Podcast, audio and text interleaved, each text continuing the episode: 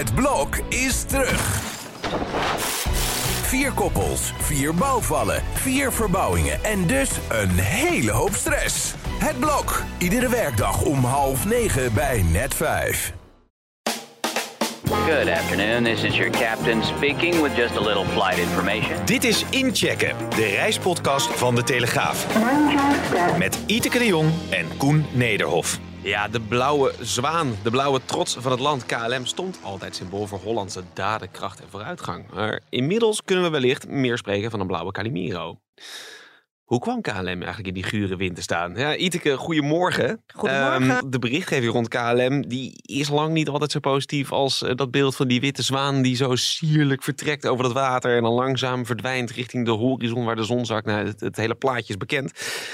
Eerst even voordat we in het hoofdonderwerp duiken, een klein puntje. Twee weken geleden zaten we hier. eh, eh, nou, toen eh, stond er windkracht 11 buiten. En was het een beetje. stond er ook een guur windje in Den Haag. Maar dat het kabinet twee dagen later zou vallen, dat hadden we misschien nog niet aanzien komen. Hmm, Nou, de signalen waren er de toch al een signalen beetje. waren er wel. Maar dat het zo snel zou gaan. Even, wat, wat zou dat betekenen voor, voor met name de krimp van Schiphol en, en Lelystad? Nou ja, Lelystad is misschien sowieso al een beetje dood en begraven. Maar Nou, kijk. er zou in 2024 een beslissing worden genomen. Er zou een beslissing genomen worden. Maar vlak voordat het kabinet is gevallen, twee dagen ervoor, ja, heeft de minister Harbers een toezegging gedaan aan eh, de Tweede Kamer. Dat de Tweede Kamer in detail op de hoogte gehouden gaat worden van de nieuwe luchtruimherziening. Ja. Nou, de nieuwe, het luchtruim wordt anders ingedeeld. Het Nederlands project loopt al vanaf 2015. Militairen gaan naar het noorden. Burgerluchtvaart gaat naar het zuiden, grofweg. Dit is op last van de Tweede Kamer. Is dit proces eh, ingezet, omdat het ook tot kortere vliegroutes leidt. Maar wat heeft de Tweede Kamer nu gezegd? Wij willen tot in detail op de hoogte gehouden worden. Nou, nu denk je, Oké, eh, moet een Tweede Kamer zich daarvan in detail op de hoogte gesteld laten worden? Is dat nou echt de taak van de volksvertegenwoordiging? Maar de agenda is natuurlijk, hè, want er is afgelopen tijd is wat onrust op eh, de Utrechtse heuvelrug ontstaan vanwege die nieuwe aanvliegroutes. maar onrust. Ik zie de ene petitie naar de andere Nou ja, langskomen. Protest. 40.000 mensen, dat is natuurlijk ook niet, nou ja, weet, het is wel wat. Ja, heel maar, dat is ongeveer heel Veenendaal wat op zijn achterste benen staat. nou ja, maar goed, er vliegen nu ook al vliegtuigen, dus. Dat, dat maakt het protest een beetje dat ik denk van oké. Maar goed, het gaat er natuurlijk om dat als die nieuwe indeling voor elkaar is, dan is het probleem met de aanvliegroutes van Lelystad Airport is opgelost. Maar de Tweede Kamer wil nu op de hoogte gehouden worden. En wat denk jij wat, dan, wat er dan gaat gebeuren? Dan gaan ze op elk detail, op elke slag zout leggen. Ja, Ja. en dan gaan ze een technische briefing houden, nog een eh, expert eh, beluisteren. Dus de Tweede Kamer, dit is dus eigenlijk een soort van verkapt iets om traineren. ervoor te zorgen dat dat Lelystad Airport, dat die aanvliegroutes, dat dat niet voor elkaar gaat komen. Ja. Mark my words. Ja. En de vraag is met de krimp van Schiphol, wordt dat dan controversieel verklaard? Nou, dat weten we pas in september, heb ik begrepen van het ministerie. Ja, Er ligt een uitspraak van de rechter. Dus het is op dit moment niet- bij iedereen eigenlijk niet duidelijk van... kun je nog iets controversieel verklaren... terwijl er een uitspraak van de rechter ligt? nee, En de, de rechter afgezien gezegd dat daarvan- Schiphol mag krimpen, maar niet Schiphol moet krimpen. Dat, Nee, Schiphol- maar kijk, het ministerie die beweert nog steeds... dat ze dit voor 13 september voor elkaar gaat krijgen. Maar daar gelooft echt niemand meer in. Dus dan is maart volgend jaar, of april of 1 april volgend jaar... is dan al niet haalbaar. Ja, dan kom je op, op november 2024 uit. En dat was toch al het plan. Precies. Dus, nou ja, goed, we, gaan het eh, meemaken. Maar je kunt wel stellen dat het natuurlijk een omstreden besluit is. Nou, dat lijkt me ook. Ja. Dus eh, wat dat betreft zou het wel logisch zijn dat dat juist wel controversieel eh, wordt verklaard. ja. En wat dat dan betekent, hè, eh, de minister is natuurlijk een consultatie, die zogeheten, die, dat Europese proces, eh, inspraakproces, de balance approach, is de minister gestart. Ja, dat zou dan gewoon voorlopig niet door kunnen gaan. Nee. Ja, Dus, maar dat, dat is natuurlijk wel ehm, behoor- een behoorlijk vraagstuk wat boven die markt hangt.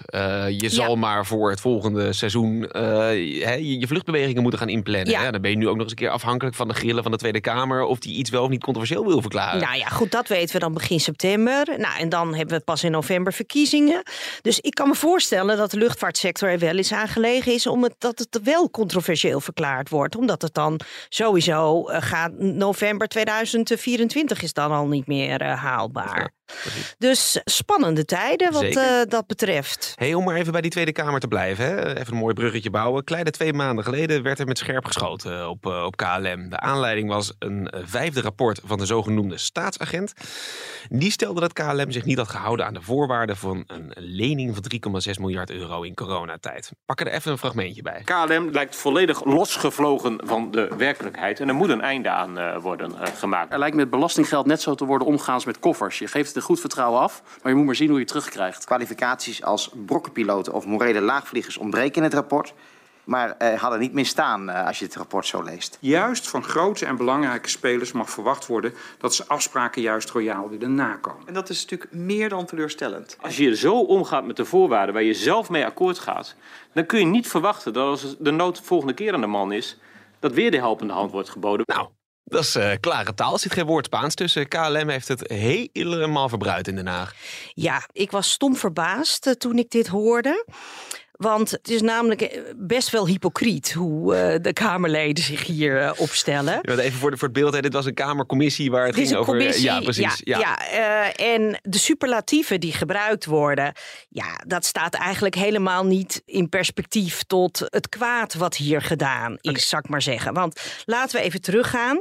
Schets inderdaad even dat kwaad. Want het gaat om een lening van 3,6 miljard. Nee, nee, Of, nee. nou Nou, goed, het gaat om een lening. KLM had een, een leenfaciliteit. Er stond een pot geld klaar waar KLM uit zou kunnen putten. Daar heeft ze dus uiteindelijk 1 miljard van geleend. Ja. Het gaat om een lening hier, geen gift. En ehm, daar waren een aantal voorwaarden aan verbonden. welke waren dat? Onder meer moest KLM de beïnvloedbare kosten met eh, 15% eh, omlaag brengen. Mhm. Het personeel moest een loonoffer brengen. Ja. Er waren nog wat groene eisen zeggen, ze moesten aan. Ze verduurzamen moesten verduurzamen. ehm, zoveel minder uitstoot. Nou, En daar heeft KLM van gezegd van, eh, oké, deal. ja, daar hebben ze van gezegd deal. Maar kijk, het punt is, er is nu een verschil van inzicht tussen KLM en de staatsagent. Eigenlijk suddert dat al vanaf het begin eigenlijk al. We hoeverre- even één ja. stapje terug doen. Ja. Die staatsagent, dat was een, van de, een van de voorwaarden voor die lening volgens mij ook. Als ik het goed heb begrepen, is het eigenlijk zo, die staatsagent is erbij geplaatst bij KLM binnen het concern. Om te kijken of KLM zich wel aan die voorwaarden hield. Ja. Dat is op zich al wel dat ik denk, ja, dat is een beetje alsof ABN AMRO bij mij thuis iemand neerzet op de bank om te kijken of ik mijn hypotheek wel een beetje eh, Ja. eh, op orde hou. Dat voelt al een beetje gek. Nou, dat voelt al gek. En kijk, en daarvoor is het, liep het eigenlijk ook al mis. Want de minister Hoekstra destijds is met een aantal voorwaarden van die lening, is hij eigenlijk op de stoel van de directie gaan zitten. En is hij Ja. eigenlijk ook is hij ingetreden tussen de, de sociale verhoudingen in Nederland. Mhm. Want eigenlijk zijn bijvoorbeeld een loonoffer en dergelijke, dat is eigenlijk iets wat tussen werkgever en werknemer en de sociale partners afgestemd wordt in Nederland. Het pakket werd aangekondigd in juni 2020 en de vakbonden zeiden van ja, maar wij hebben hier ook een rol. Een soort van schimmenspel kwam op gang. Die vakbonden werden, hè, ze bedachten niet onmiddellijk van nou, we gaan die vakbonden toch aan tafel eh, eh, uitnodigen. Gaan het gewoon alle transparantie met hen erbij, gaan we dit uit onderhandelen? Nee, dat werd eenrichtingsverkeer. En Wopke Hoekstra die heeft toen de piloten met een mes op de keel in november van dat jaar gedwongen tot tekening van dat loonoffer. Ja. Want een aantal voorwaarden waren geheim. En daar hadden de vakbonden afhankelijk Ah. geen inzicht in. Want maar het is niet zo gek. Want de KLM zegt, schud de hand. Hè. KLM was, was, heeft gezegd, nou, we willen, we willen die lening graag kunnen afsluiten. En, eh, Schud de hand met, nou, prima, de voorwaarden gaan we mee akkoord. Ja, dan moeten die piloten akkoord. Jouw bedrijf, dus. nou ja, daar hadden de vakbonden dus een andere visie op. Ja. Hè, eh, die zeiden van ja, wij, want het grote pijnpunt was dat de piloten die zeiden van ja, wij willen niet een afspraak maken tot in de eeuwigheid. Dus we Ja. willen gewoon weten wat de einddatum is. Ja. Maar goed, in plaats van dat ze dat gewoon in die zomer oplosten met elkaar, Mhm. dramde minister Hoekstra eigenlijk ook een beetje door. En eigenlijk wilden ze, eh, zoals ik er nu op terugkijk, wilde de politiek onder aanvoering van Henk Nijboer, die je net in, van de PvdA, die je net in Ja, het, eh, in het die fragmentje. Ja. hoorde, die wilde eigenlijk de piloten aanpakken. Die wilden de salarissen van de piloten, die moesten structureel met 20% omlaag, vond de politiek. Ja. Maar de pilotenvakbond, ja, die zegt van daar gaat de politiek gewoon helemaal niet over. Want dat is iets tussen de werkgever en werknemer. Nou, goed, daar ging het al mis. En in plaats van dat Kremers die vakbonden aan zijn borst heeft gedrukt, zijn ze allemaal een beetje op een eigen koppige wijze, met nog steeds een ambiguë rol van, voor, van de KLM-directie. Uh, want waar die stond, dat wisten we ook niet helemaal. Nou ja, volgens mij is dat toch, als je het helemaal droog kookt, heel simpel. De KLM-directie die heeft een akkoord gesloten voor een lening. Met bepaalde voorwaarden daaraan. Net als ik dat doe, om even die hypotheek aan te halen. Ik bedoel, die hypotheek, ja, daar zit een rentepercentage aan. Daar schud ik de hand op. En als ik dan vervolgens zeg van, ja, ja de, de, rente is anders geworden. Dus ik ga een andere rente betalen. Dan zegt mijn bank, ja, meneer Nederhof, dan verkopen we je huis. Uh, die nee, directie moet, moet uh, volgens mij zich houden aan die voorwaarden. Jawel, maar we hebben ook andere wet en regelgeving in Nederland. En daar zijn ze gewoon niet handig mee omgegaan. Nee, wiens schuld, Waardoor... schuld is dat?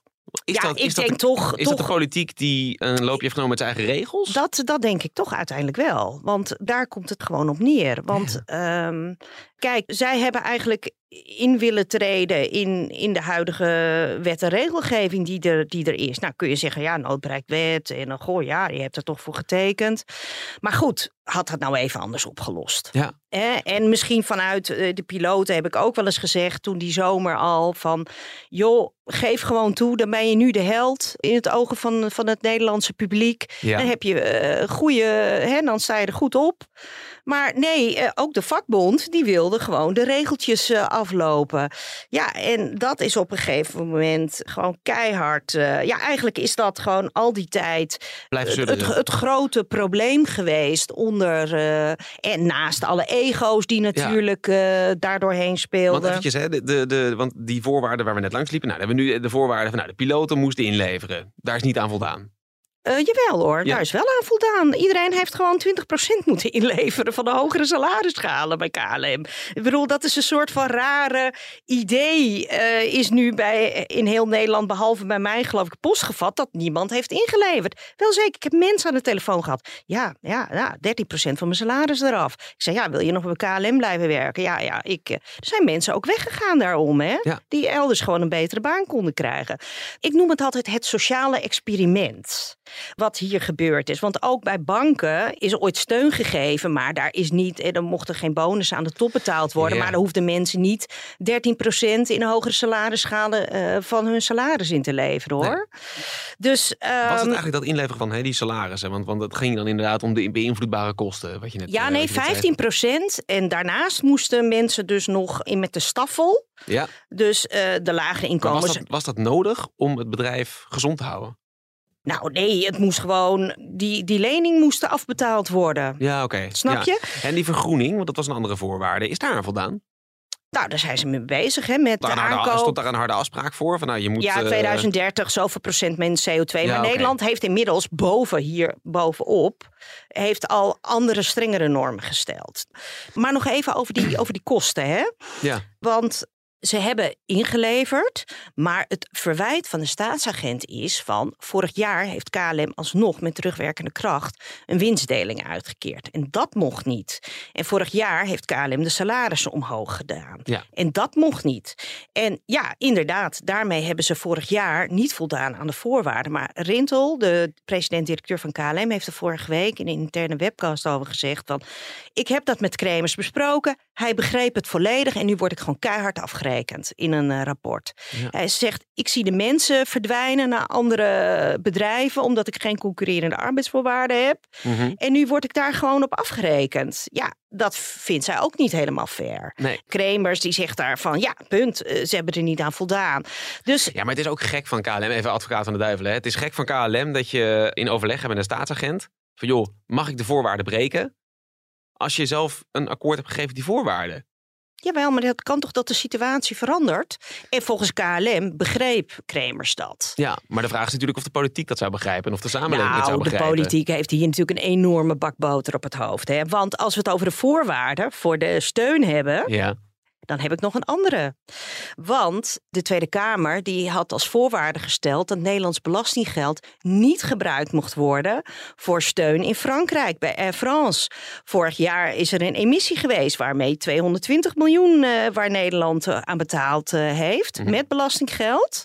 Ja. En dat is gebruikt om Franse coronasteun af te lossen. Ik heb de Tweede Kamer er nog nooit over gehoord dat ze hun eigen voorwaarden, die ze zelf hebben gesteld, dat ze dat gewoon hebben laten gaan. 220 miljoen hebben we het over, hè? Ja. In dit geval.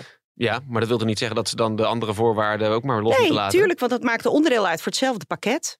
Allemaal in de, bij hetzelfde Kamerdebat afgesield Ja. in eh, juni Maar dat wil niet zeggen 2020. dat, dat ze dan tegen KLM zeggen van nou breken jullie de voorwaarden ook maar. Nee, maar ik bedoel, jij zegt van.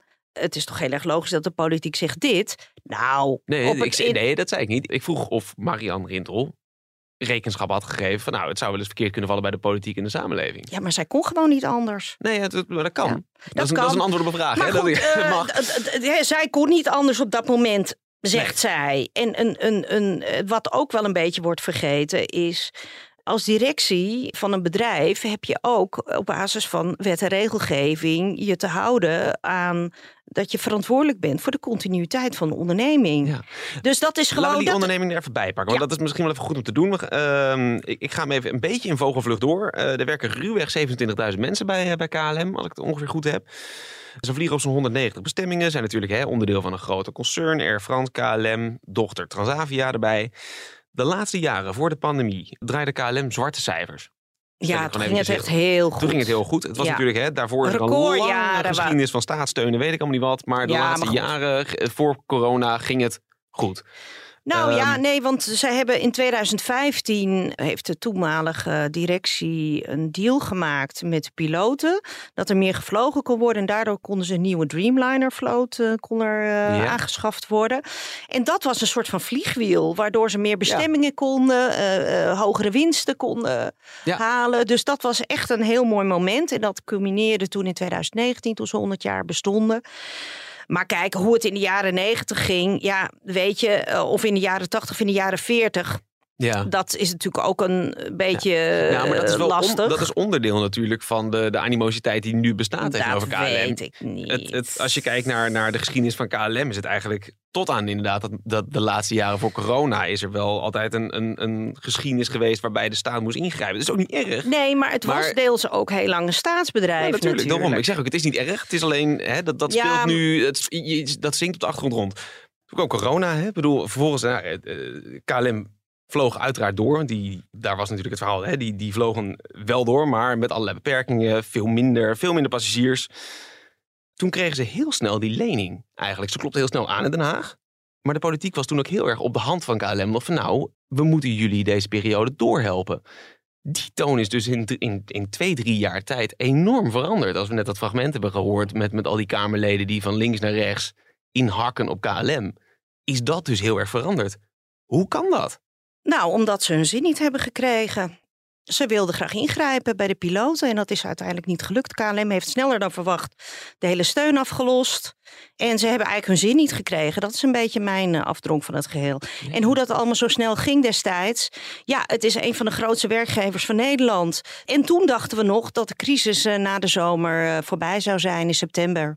Ja, dat is waar. En mede daardoor, kijk, het is natuurlijk wel iets hè, om een bedrijf van 30.000 man even down the drain eh, te laten gaan. Ja, En daar was men toen toch huiverig voor. Hè, want kijk ook bij KLM, in tegenstelling tot wat veel mensen denken, nu helemaal door die piloten die dan volgens een aantal Kamerleden aan belastingontwijking zouden doen, Mm. woont bijna iedereen nog in Nederland. En dat zijn allemaal Nederlandse ingezetenen. Dus die betalen hier weer belasting. Die gaan hier naar de bakker. Die hebben hun kinderen hier op school. Dus dat geld wat, wat KLM verdient en het KLM-personeel verdient... dat komt ook weer op een andere manier... komt dat weer terug in de schatkist. natuurlijk. Ja. Dus, Ja, die maar, mensen betalen ook gewoon belasting. Ja, ja, dat- ja. maar dus ik denk dat het gewoon te duur was. Dat, om too het, big te eh, veel in feite. nou, nee, dat het gewoon te veel, eh, de maatschappij te veel zou kosten Ja. op dat moment. Ja. Too big, too veel, dat weet ik niet. Want Hoekstra, dat was nog het idee in juni. Mhm. Maar in november zei Hoekstra ineens iets anders. Die was toen minister van eh, Financiën. Ja. En die draaide toen in eind van het jaar. Toen zei hij ineens van ja, ja, ja, ja, god, ja, wat, eh, hoe het dan allemaal verder moest. Er moest geloof ik toen weer extra geld bij in Frankrijk. En toen zei hij van ja, we zijn nu aan het kijken of het bestemmingennetwerk eh, van KLM, het directe bestemmingennetwerk van KLM over de wereld, dat is onze reden geweest om KLM te redden. Ja. Maar we zijn nu aan het kijken van ja, moet KLM dat wel blijven doen? Of zou dat misschien een ander ook kunnen? Dat zei hij toen. Dus dat vond ik toen een heel belangrijk moment waarin kennelijk toch de geesten anders zijn Was gaan staan. voor jou het, het moment waarop je dacht... hé, hey, die teneur in Den Haag verandert ook heel erg? Want daar was het natuurlijk juist altijd... Ja. dat er die blauwe zwaan waar ik, waar ik mee begon... die heb ik heel veel door de Tweede Kamer zi- zien en horen gaan. Ja, op zich wel. Maar ik moet wel zeggen, GroenLinks was ook in juni 2020 was er ook voor het redden van KLM. Ja. Maar dat was voor mij eind van het Ja, jaar maar zelfs GroenLinks was er toen nog voor. Dat Ja. Is, ja, nou ja, dat geeft al aan. Ja, maar daarna veranderde het inderdaad, want daarna begon het KLM pesten, zoals ik dat dan noem. Ja. Want eh, nou, die coronapandemie die was toen natuurlijk nog steeds gaande.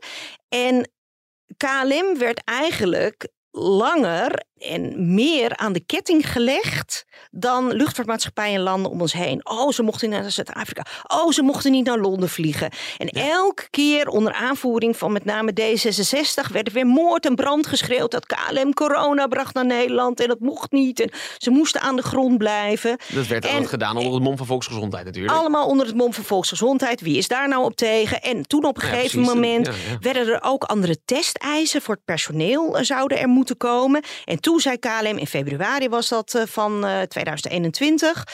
Ja, dan moeten we de vloot aan de grond zetten. Want ja, dit is voor ons als personeel niet meer gewoon operationeel niet meer in te Nee, passen. die moesten toen volgens mij, dat waren de vluchten naar China volgens mij. Hè? Nee, dat was gewoon? Was alles. dat- Alles. Ja. Gewoon alles Ja. was dat. Alles eh, moesten ze buiten de EU in ieder geval. Voor Ja. zover dat nog mogelijk was. Nou, onmogelijke test. Toen heeft eh, topman Pieter Elbers heeft, is een weekend opgesloten. Heeft hij gezeten met Jaap van Dissel.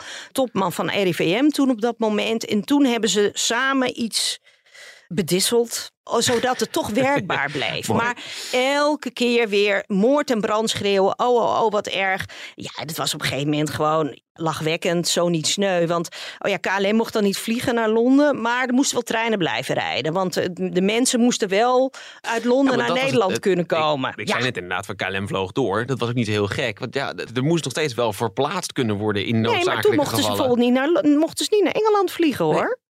En de trein mocht gewoon blijven rijden. Dus daar voelde je al aan van ja, dit is gewoon een soort van selectieve verontwaardiging om eh, die luchtvaartmaatschappij op de korrel te om- krijgen. was, ging dat om de luchtvaartmaatschappij of ging dat om, eh, had dat een andere symbolische waarde? Ik heb dat altijd gezien als van, ja, toch onder het mom van volksgezondheid eh, de luchtvaart eh, toch eh, te proberen te pesten. Ja. Nou ja, en toen duurde het, nee, je weet het ook nog wel, met al die stoplichten. KLM was natuurlijk niet de enige die daar last van had. Maar ja, die hadden daar wel het meeste last van. Want de andere luchtvaartmaatschappijen, die vliegen, vliegen toch deels binnen Europa, die we in Ja. Nederland hebben. Dus ja, het duurde voor hun eigenlijk veel langer dan strikt noodzakelijk. Waardoor er ook weer extra NOW betaald eh, moest worden. Maar goed, terug naar de reputatieschade. Het klikte niet tussen KLM en de staatsagent. Uiteindelijk, ze hebben inderdaad niet voldaan aan een aantal eh, voorwaarden. Ja, en we gaan nu gewoon kijken. Hè, de minister die heeft nu een Nou, advocaat Kaag- erop nou, ik gezet. zeggen, Kaag heeft gekeken van hey, zijn er juridische stappen mogelijk? Weet Ja. je hoe het daarmee staat? Dat gaat wel gewoon door, ondanks de val van het kabinet. Ik heb het vorige week nagebeld. Kijk. En in eh, september eh, dan gaat Kaag erover besluiten. Er wordt een beetje wisselend naar gekeken van gaat Kaag dit nou heel serieus nemen. Ik vond haar trouwens milder dan die Kamerleden die we in datzelfde debat.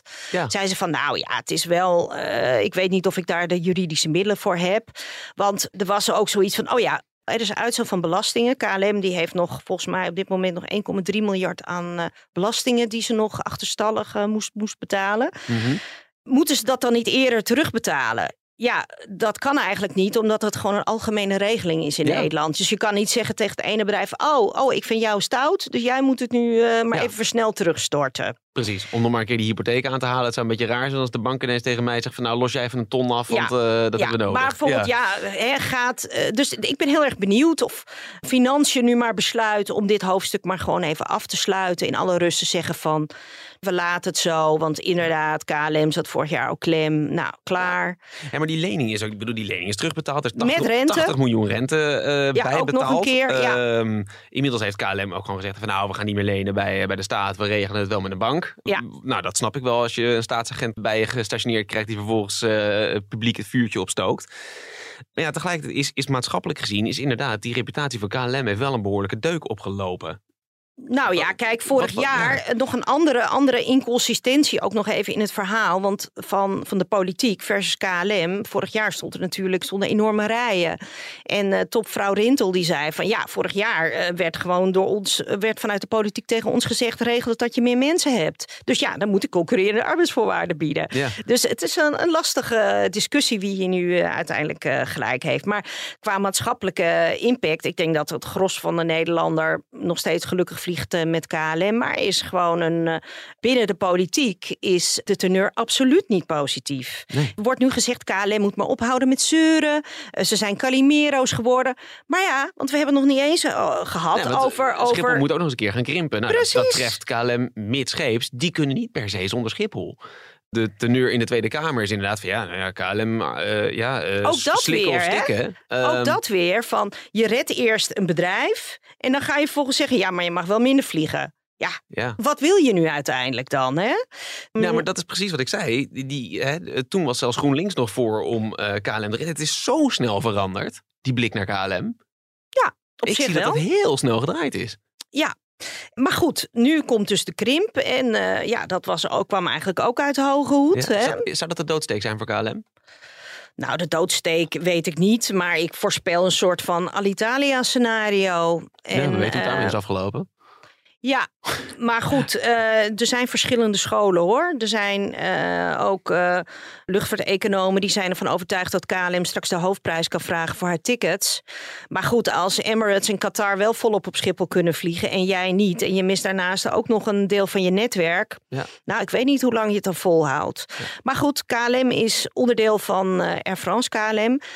Dus in Parijs zullen ze uiteindelijk besluiten wat er gaat gebeuren. Ik vind de tegenstand uit Parijs tegen de krimp, die is er wel. Maar ik vind hem toch niet hard genoeg op de een of andere manier.